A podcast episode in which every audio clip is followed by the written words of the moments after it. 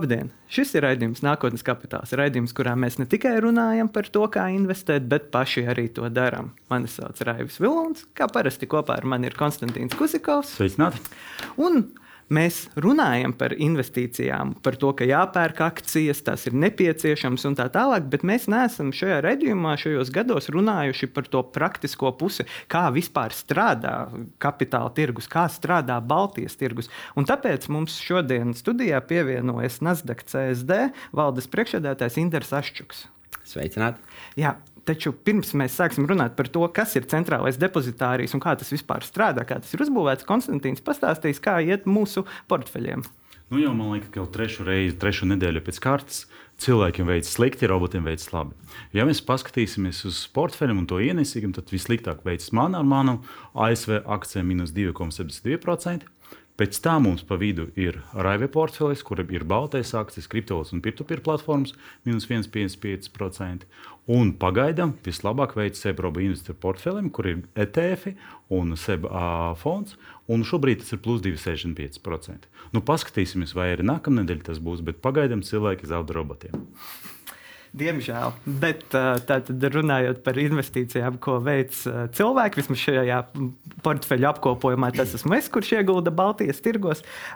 Inder, es jums gribu vaicāt, kas ir depozitārijs un kādu funkciju jūs pildat. Tāpēc, ka biržu, nu, mēs zinām, ir Nasdaq birža, to noteikti lielākā daļa cilvēku, arī tie, kuri nav investori, būs dzirdējuši. Bet uh, par depozitāriju, manuprāt, ir mazāk tas, jo tur jūs pildat ļoti svarīgu funkciju, lai vispār tirgus varētu strādāt. Pastāstiet, lūdzu, ko jūs darat? Jā, vērtspapīra centrālais depozitārijs faktiski ir vērtspapīra centrālā banka. Līdzīgi kā naudas apritei, nu, piemēram, eiro ir Eiropas centrālā banka un, un Latvijas banka, kas uh, pilda šo funkciju. Līdzīgi vērtspapīriem ir centrālais vērtspapīra depozitārijas, kur uzņēmums reģistrē šo vērtspapīru emisiju. Un mēs jau tālāk strādājam ar bankām un brokeru sabiedrībām, kas atver kontus pie mums, lai glabātu šos vērtspapīrus sev un saviem klientiem. Un otra būtiska centrālā vērtspapīra depozitārija loma ir veikt norēķinus par biržas darījumiem. Nu, tātad, ja kāds iegādājas akcijas biržā, tad nodrošināt, ka šis e, pircējs iegūst šīs e, akcijas savā īpašumā, un pārdevējs e, var saņemt naudu. Nu, ja mēs runājam līdzībās, tad varētu teikt, nu, ja, ja kāds pircējs ieiet internetbankā un izvēlās kādu preci un noklikšķina pirkt, tad tas būtu tas biržas moments, kad ir izdarīta izvēle, ko vēlas iegādāties. Savukārt depozitārijas atbild par to visu procesu, kas ir pēc tam. Tātad paskatīties, vai mums noliktavā ir prece, pārbaudīt, vai pircējam ir līdzekļi, identificēt pircēju, pēc tam pārskaitīt šos naudas līdzekļus no pircēja konta uz pārdevumu konta, pēc tam šo preci no noliktavas piegādāt eh, pircējam, kura nu, vieta ir eh, izvēlēta. Un, ja var atļauties tādu vēsturisku atkāpi, kā eh, vērtspapīra centrālajie depozitāriji radās, tad jāsaka, kādreiz tādu nebija. Bija tātad darījumi, Ņujorkas fondu birža jau gadsimtu ilgāk strādā, un eh, vērtspapīri tajā laikā bija papīra formā. Un tātad faktiski katru dienu, tad, kad tika beigti darījumi biržā, šos vērtspapīrus arī fiziski no bankas uz banku piegādāja vai nu ratos vai ķerrās. Uh, Un tas arī jāsaka, ir viens no iemesliem, kāpēc Ņujorkā Wall Street ir koncentrēta nu, relatīvi mazā vietā kopā. Tas ir tāpēc, lai varētu šo visu loģistiku pūslīdz ērti uh, veikt eh, starp šīm bankām. Uh, bet uh, nu, sasniedz tirdzniecības apjomu tādus apgrozījumus, ka bija jāizver nedēļas vidū birža uz vienu dienu ciet, tikai lai varētu šos norēķinus ar visiem papīra vērtspapīriem veikt. Un tad izdomāja šo centrālo vērtspapīru depozitāriju konceptu, kur visi vērtspapīri varētu glabāties vienā vietā. Ja notiek kādi pirkšanas, pārdošanas darījumi, tad tiek, protams, reģistrēti jaunie īpašnieki, bet šie vērtspapīri nekur vairs nebija jāved. Viņi droši glabājās visiem klientiem vienā vietā. Mūsdienās, protams, tie vairs nav papīra vērtspapīri, tad tas ir datubāzēs elektroniski uh, ieraksti un attiecīgi vērtspapīra konti kas ir atvērti visiem ieguldītājiem. Pirmais jautājums. Vai jums viņi glabājas papīra formā kaut kur? Nē, tā tad viss ir, viss ir viss ir elektroniski. Jau mums bija šī laime no 90. gadiem, kad tika attīstīta kapitāla tirgi, tad jau bija pieejamas visas IT tehnoloģijas. Un uh, Latvijas depozitāri tikai, uh, kā es saprotu, akcijas vai vērtspapīri, kas faktiski saistīti ar Latvijas uzņēmumu. Tas nozīmē, ka, pieņemsim, Apple akcijas jums nav. Jā, nu tā tad Nasdaq CSD, kas Jā. Ir vērtspapīra centrālais depozitārijas Latvijā. Mēs, eh, starp citu, strādājam ne tikai Latvijā. Nasdaq CSD strādā Lietuvā, mhm. Igaunijā, Latvijā un arī Islandē.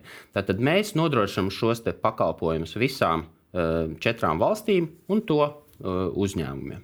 Tas nozīmē, ka labi, manas akcijas, teiksim, to, ko es pērku tur ar Interactive Broker, viņi glabājas kaut kur ASV depozitāri vai kaut kur citur. Jā, nu tā tad šī, tad, ja tas būs ASV uh, vērtspapīrs, tad primāri ir depozitārijas ASV, kur ir reģistrēta šī emisija, un tālāk jau pa ķēdītēm parasti bankā uh, klientam glabājas šie vērtspapīri. Delfē ir daļa no Express grupas, tad, kas ir Igaunijas uzņēmums un kas arī ko tas bieži, tad tās Express grupa glabājas pie jums. Jā, Nasdaq Ok. okay. CSD, kas ir Skaidrs. Latvijā reģistrēts uzņēmums, mm -hmm. bet strādā visās šajās četrās valstīs. Tad uh, jūs stāstījāt par šo vēsturisko aspektu, kur ar ratiem tika pārvadātas uh, šīs uh, akcijas un uh, citi vērtspapīri. un Tad uh, gan jau, ka noteikti tolaik bija mēģinājumi piesavināties tās kaut kādos nelikumīgos veidos, aplaupīt šos ratus un tā tālāk, kas mums tā iztēlojas. Bet mūsdienās tie ir digitālie reģistri. Es gribēju pavaicāt par kiberdrošību. Kā jūs par to rūpējaties, lai, nu, piemēram, pie šiem reģistriem nepiekļūtu kādi ļaundari un, piemēram, uh, Konstantīna akcijas uh, neuzrakstītu uz mana vārda? Protams, eh, kiberriski šobrīd eh, daudziem uzņēmumiem, tā skaitā it īpaši finanšu sektorā, ir ar visaugstāko prioritāri, prioritāti. Līdz ar to nu, mēs ieguldam ļoti lielus līdzekļus eh, nepieciešamajā ekipējumā, lai nodrošinātos, ka eh, mēs eh, esam faktiski visaugstākajiem standartiem atbilstoši. Protams, tam ir arī apkārt regulācija, ir, ir uzraugs un, un pāraugs Latvijā. Tā ir Latvijas banka.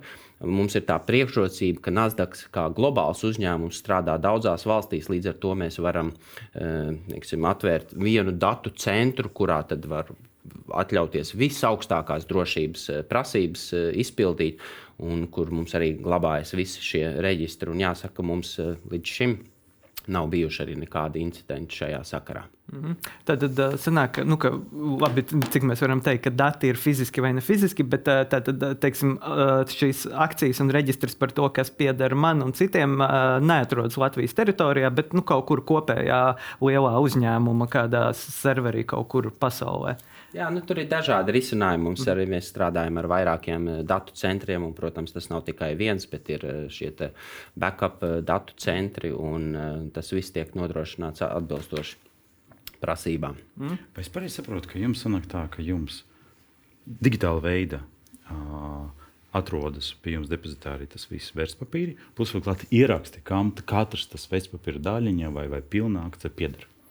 Tas atkarīgs no valsts uz valsti. Piemēram, Latvijā un Lietuvā vēsturiski šī reģistra uzbūve ir bijusi tāda, ka centrālajā depozitārijā ir eh, iegrāmatoti šie vērtspapīri, un tālāk ir eh, bankas un brokeru sabiedrības, kas atver kontus savā vārdā un savu klientu vārdā.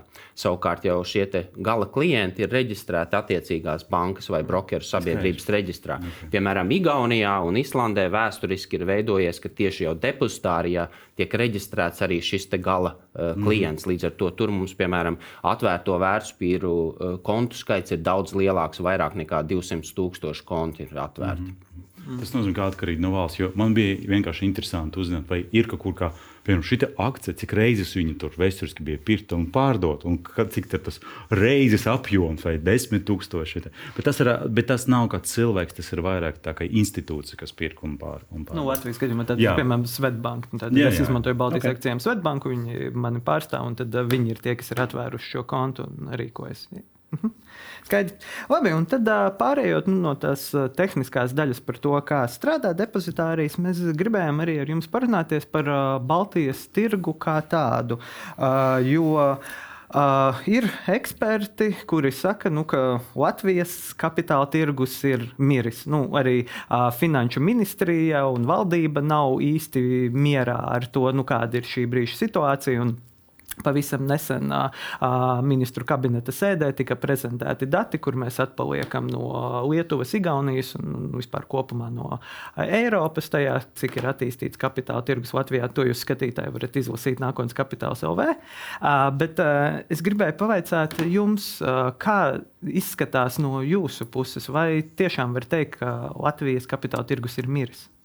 Vai pusdzīvs? Vai dzīves? Nu, pārfrāzējot, eh, klasiķi varētu teikt, ka baumas par eh, kapitāla tirgus eh, nāvi Latvijā ir krietni pārspīlētas.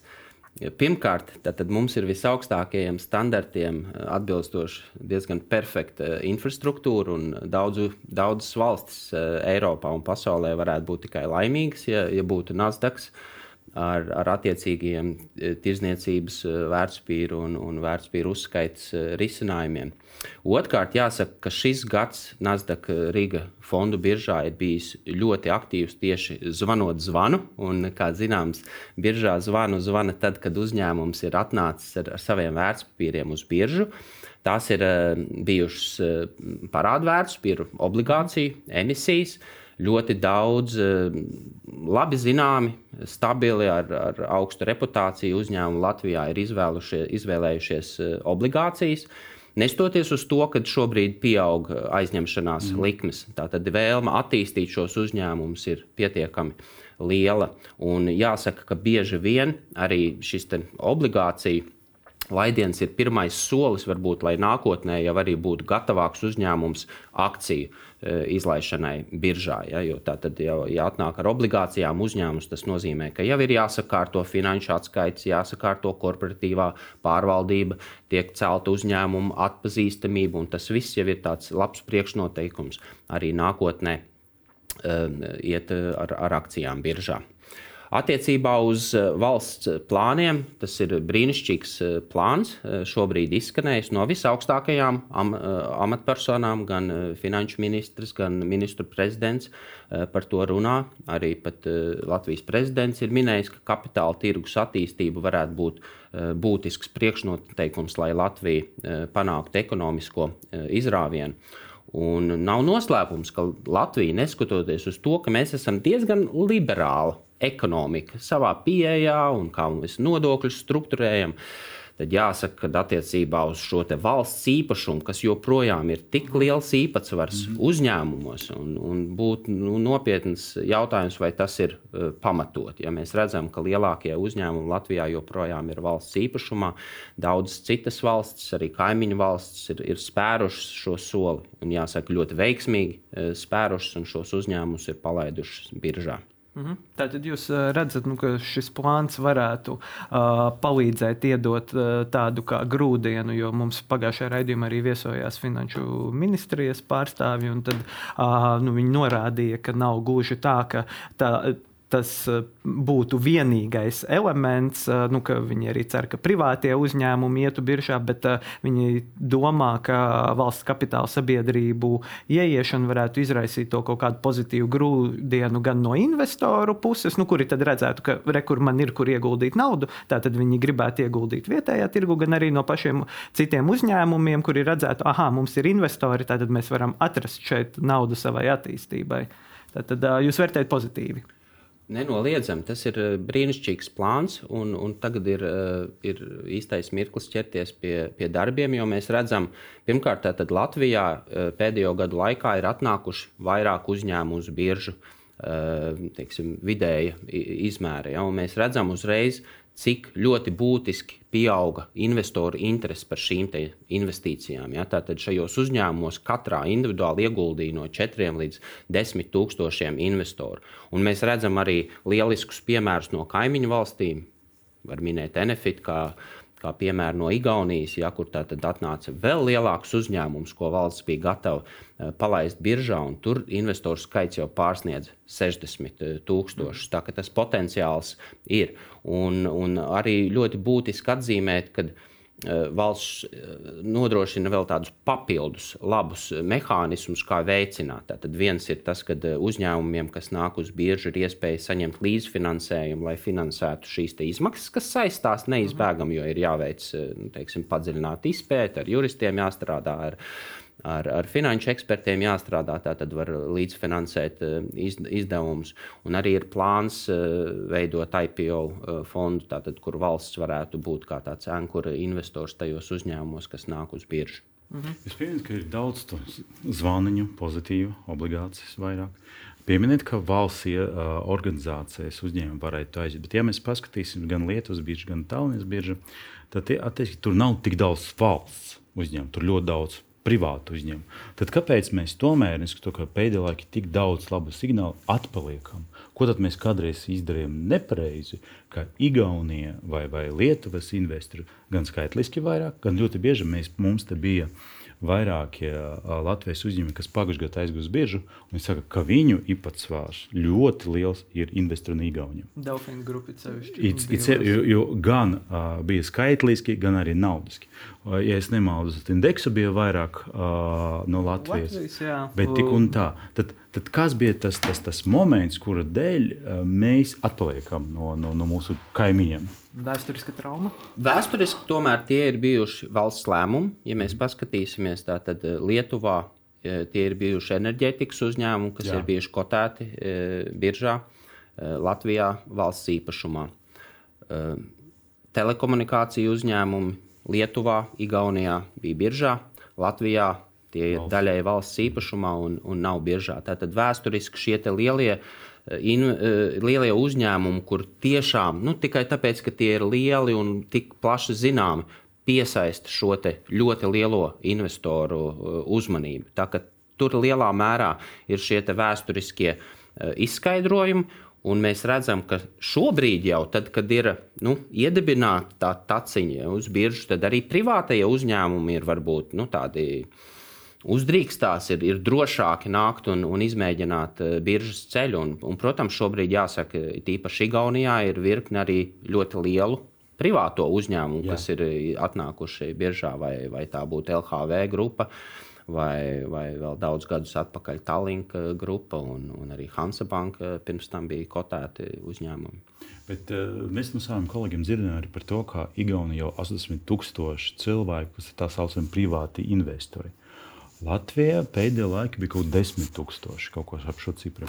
Vai tas tā ir, vai tie cipari drusku savādi? Tāpēc arī dabūt to informāciju ļoti grūti. Ja pieņemsim, es kā investors, man ir tur revolūta, man ir parasta banka, un tāpēc arī bieži es pat neparādu šeit kā investors. Ja tāpēc, ka es investēju tur ASV akcijas, nevis, nevis vietēs. Tad, tad jautājums pirmais, cik tad mums to invē, privātu investoru ir? Un otrais jautājums, kas bija tie momenti, kāpēc tas skaits mums Latvijā ir vismazākais? Nav tā, ka latvieši ir nabadzīgāki, jo mēs nesen publicējam informāciju par to, cik daudz aug konta atlikumi Latvijā. Un viņi daudz labāka situācija nekā bija 8. gada, kad uh, nebija tik daudz, bija vairāk no ārzemēm depozītu, no ārzemniekiem nekā no, no vietējiem. Mēs skaidri redzam tendenci, ka tad, kad ir jauns uzņēmums, kas nāk uz biržu, tas, tas piesaista, un tas ir tas, kas uh, pilnīgi jauniem investoriem liek spērt šo soli un atvērt vai nu investīciju kontu vai, vai vērtspapīru kontu. Un, un šie pēdējie akciju emitenti, kas ir eh, pēdējos pāris gadus atnākuši uz biržu, mm -hmm. tad tie ir jā, vismaz 4000, 5000 līdz 10 000 akcionāri, kas uh, iegulda šajos uzņēmumos. Tas jāsaka, uzņēmumi motivē cilvēkus beidzot pirmo reizi aiziet uz biržu. Protams, jo tā ir tā iespēja ieguldīt savus līdzekļus mm -hmm. un pelnīt, kas uh, tieši šajā laikā, kad ir augsta inflācija, varbūt pat ir vēl svarīgāk nekā laikos, kad, kad tā inflācija nav tik augsta, ja, jo tad vismaz var iegūt, nu, atgūt daļu no šīs naudas vērtības, kas uh, citādi ir zaudēta. Šeit noteikti ir jāpiemina arī tāds, uh, tādi ieguldījumi iespēja kā krauju obligācijas, kas šobrīd ir ļoti, ļoti pieprasīts un, un karsts uh, ieguldījumu veids, ja tā var teikt. Mēs redzam, ka ir jau šobrīd vairāk kā 100 miljoni eiro ieguldīti. Mm -hmm. uh, ir notikuši vairāk kā 10 tūkstoši darījumu. Tātad, ja, tas ir daudz, tas ir maz. Kāda ir uh, dinamika tam visam? Vēl pirms eh, pusgada un gada, kad šīs ieguldījuma likmes bija mazākas, tur bija tikai daži desmiti vai varbūt daži simtu mm. investoru. Šobrīd ja, jau mēs jau varam mērīt eh, tūkstošos. Un, un ir izskanējusi arī teiksim, ambīcija no, no valsts puses arvien vairāk veicināt šos ieguldījumus tieši krājuma obligācijos. Mēs redzam, ka, ja ir ienesīgums, Jā.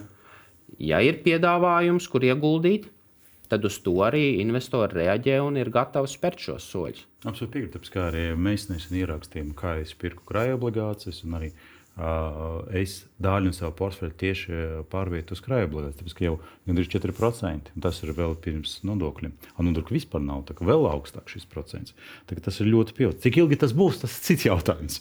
Bet izskatās, ka šobrīd tas ir pietiekami pievilcīgi.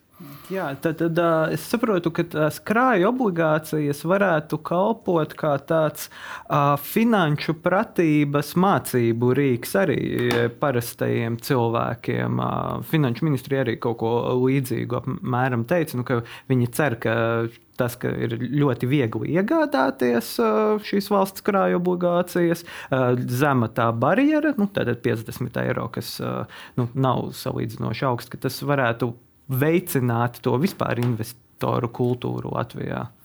Viennozīmīgi. Tātad, jo šis ir ļoti, ļoti drošs ieguldījums. Un, protams, ka ja investoram tā pirmā pieredze ir, ir veiksmīga un ir tiešām bijusi iespēja nopelnīt, tas var pēc tam likt jau spērt nākamos soļus un varbūt ieguldīt arī vai obligācijās, vai akcijās, vai kādos fondos. Bet šis krājuma obligācija produkts, kur var ieguldīt mazas summas, tad ir arī īpašs nodokļu režīms, ja, ir pievilcīgas likmes. Un, un faktiski nu, gandrīz jāsaka, bezriska ieguldījums, ja tad, tad tas ir aizdevums valstī. Tas ir lielisks un, un brīnišķīgs veids, kā sākt savu ceļu kapitāla tirgu. Vienīgais mīnus, ka tu nevari ieraudzīt, ka tas iet uz augšu, iet uz leju, iet uz augšu. Ja tas tas tas, tas psiholoģiskais. Tu vari Excelī. Tu pēc gada būs vairāk. Simulācija. Bet, bet jā, starp citu papildinot to par uh, krājobligācijām, es uh, tieši valsts kasē priekš uh, nākotnes kapitāls vēl prasīju, kā uh, veicas un salīdzinot ar pagājušā gada pirmo pusgadu, uh, bija ieguldījumi apmēram 100 tūkstošu apmērā. Tad šobrīd pa nepilniem sešiem mēnešiem jau ir 87 miljoni. Tas ir uh, milzīga atšķirība. Un, uh, jā, skatītāji, jūs gribat, jūs varat izlasīt par to mazliet sīkāk, gan ko es esmu, gan kolēģi rakstījuši. Bet uh, jums vēlos vēl pavaicāt. Uh, Es iepriekš ar Pēteri Strautiņu runāju arī par šo finanšu ministrijas iniciatīvu, par plānu. Un, protams, viņš kā visi citi eksperti, kā jūs, kā visi, nu, saka, ka forša ideja, nu, protams, ka mums to vajag, bet viņš runājot par privātajiem uzņēmumiem, norādīja, ka uh, Iespējams, ka tur nav tikai gan šīs te, varbūt, problēmas, ko varētu risināt valsts kapitāla sabiedrības, ka ieiet radot to grūdienu un kaut kāds finansiālais atbalsts, nu, lai sāktu spērt to pirmo soli. Bet viņš minēja, ka ir arī kaut kāda tā kultūras lieta, ka uzņēmumi, uzņēmēji baidās kaut kādā ziņā varbūt būt tik atklāti, jo biržas uzņēmumiem ir jābūt krietni atklātākiem ar saviem datiem, un baidās arī kaut kādā veidā varbūt zaudēt kontroli par to. Vai jūs arī redzat kaut kādas tādas bažas, kas varētu kavēt nu, mūsu tos privātus uzņēmumus doties biržā? Mēs noteikti redzam, ka, ka šī pieeja un domāšana no uzņēmēja puses mainās. Varētu teikt, varbūt nāk iekšā jauna uzņēmēju paudze, mm -hmm. kuri pirmkārt ir gatavi strādāt uh, caurspīdīgi, ar sakārtot korporatīvo pārvaldību savā uzņēmumā, un arī nebaidās dalīties ar citiem. Jo jā, vēsturiski varbūt bija tā, teiksim, tāda privāta īpašnieciskā teiksim, vēlme nu, kontrolēt pilnībā, un, un tas ir mans. Tad uh, mēs redzam, ka tā domāšana mainās, ka ja mēs varam uzņēmumu varbūt dubultot, vai varbūt trīskāršot vai desmitkāršot savā vērtībā, tad man, pat ja man pieder šī uzņēmumā, varbūt vairs tikai divas trešdaļas, vai varbūt tikai viena trešdaļa, man jau kopumā būs lielāka vērtība nekā varbūt, eh, nu, kā saka, daļa no pīrāga var būt lielāka nekā viens eh, atsevišķs mazāks eh, pīrāgs. Mm. Un, un mēs redzam, ka šobrīd interese no arī privātajiem uzņēmējiem ir ļoti, ļoti liela. Mm -hmm. Jā. Es arī atceros, kā Normans Bergs arī pateica par to, ka tad, kad viņš eksporta tirgu vai Ķīnā stāsta par to, kāda viņa, kas par uzņēmumu ir. ir, ir, ir. Tad uzreiz pajautāja, nu, ko mēs varam, kur mēs varam par jums palasīt. Un tad uzreiz ir uz biržu, tur viss ir publiski, tur viss ir pieejams. Un tas ir absolūti cits uzticēšanas moments, tad, kad tu esi eksportētājs. Jā. Es domāju, tā ir vēl viena būtiska lieta. Jā, pilnīgi noteikti tā ir kaut kāds atspērienu punkts, jo arī visa informācija tiek publicēta, arī jābūt publicētām. Parasti tiek publicēta vairākās valodās. Un pārbaudīta. Tā, kas, jā, arī pārbaudīta. Viss mājaslapā, ko tu vari uzrakstīt. Papildus. Bet jā, tuvojoties raidījuma noslēgumam, mēs vienmēr mūsu viesiem arī prasām uh, par jums, par to, ko jūs darat, kā jūs uzkrājat to nu, savu nākotnes kapitālu, kādus jūs instrumentus instrumentus izmantojat un kas ir tie rīki un kam jūs uzticaties? Pirmkārt, eh, man kā Nasdaq darbiniekam, mums eh, daļa no atalgojuma ir Nasdaq akcijās. Katram, neatkarīgi no kāda tieši ir eh, specialitāte. Mums arī ir iespēja papildus novirzīt līdzekļus no, no savas algas un iegādāties Nasdaq akcijas, un to mūsu darbinieki aktīvi izmanto krājobligācijas eh, ir manā īpašumā, un noteikti tas ir viens no, no, no pirmajiem soļiem daudziem investoriem, kā, kā uzsākt ceļu vērtspapīru tirgu. Eh, visinteresantākie ieguldījumi, protams, ir individuālās akcijās, bet eh, nu, to ir jāsāk pamazām, varbūt ne ar, ar, ar vislielākajām naudas summām, bet tas, nesalīdz, tas ir nesalīdzināmi interesantāk. Jā, ja, tad jā. sekot līdzi konkrētiem uzņēmumam, kā attīstās cena, atrast padziļinātu informāciju par šo uzņēmumu, tas, protams, ir vis, vis, visinteresantākais. Bet jāsaka, šobrīd ir ļoti labs laiks, lai ieguldītu obligācijās jo ir aptuveni jā, 10% ienesīgumu, ko, ko dod obligācijas tiešām nu, labi zināmos, pietiekami lielos un atpazīstamos uh, uzņēmumos. Un noteikti vēl var atzīmēt arī, piemēram, ETF, jeb šos biržā mm. tirgotos fondus, ja, kas ir salīdzinoši ar mazām komisijas maksām. Nu, ir iespēja ieguldīt arī varbūt ne, nemilzīgas summas, ja, un tad eh, nu, gaidīt un eh, šo atdevi, kā, kāda nu, konkrētajā brīdī, konkrētajā tirgu vidēji būs no ieguldījumiem akcijās. Jūs arī sekojat tam principam, kas jau bija sen grāmatā saprasts, cik tev gauta, tik daudz procentu no tava kapitāla jābūt obligācijas.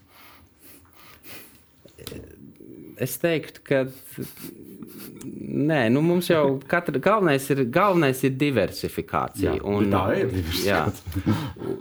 Un, protams, tā var arī teikt, teiksim, kas attiecās arī uz, uz investīcijām pensiju otrajā plānā. Ja, ja teiksim, jau ir tuvāk šis te, uh, šis laiks, kad varbūt mm. pienāks pensija, tad, protams, ir vēlme varbūt būt mazliet konservatīvākam. Nu, tikai tāpēc, lai nesanāk tas mirklis, kad, nu, kad nu, ir, jā, ir, ir jā, jātiek pie ieguldījumiem, tad mirklī ir, ir tirgus bedra. Bet, ja mēs paskatīsimies uz, teiksim, ja tie ir vēl, vēl 10 vai 20 gadi, vai, vai kur nu jau vēl 30 gadi, tad mēs redzam, ka nu, nekas nespēja konkurēt ar ieguldījumiem akcijās. Ja? Katrs eh, šī brīža teiksim, augstākais punkts vienalga būs krietni zemāks nekā būs jā, 10 vai 20 gadu perspektīvas. Tā mirkļa var būt zemākais punkts. Japāna. Jā, Japāna ir, bet nu, tas droši vien par to arī raksta un, un rakstīs ekonomikas grāmatās. Tas ir tāds eh, nebijis precedents, ka faktiski 40 gadus ir, ir, ir tāda stagnācija. Tur ir, tur ir īpaši iemesli, bet mēs redzam, ka caurmērā akcijas ir tās, kas dod tos 10% eh, plus mīnus atdevi, un ar to konkurēt ir, ir grūti. Bet no jūsu pieredzes, kā jums liekas, vai, vai Baltijas akcijas turpinās augt straujāk par uh, visiem ASV akcijiem un Eiropas? Jo mēs statistiski, statistiski mēs redzam, mēs esam ļoti maziņš tirgus. Ja atnāks vēl vairāk Latvijas uzņēmumu, tad teorētiski tas tirgus vēl straujāk izaugs. Jo godīgi sakot, mēs esam tādā stadijā, ka nu, ot, lietuvieši un igauni jau izdarīja, jau sasniedz kaut kādu tādu savu apjomu, un mēs paliekam nu, tā uz tā fona noteikti. Ja tas būs AirBaltika, vai tas būs Latvijas, vai tas būs vispār privāti, tad arī Lietuvieši Igaunijā arī atnāks pie mums, tāpēc ka mēs esam letāki salīdzinājumā ar viņiem.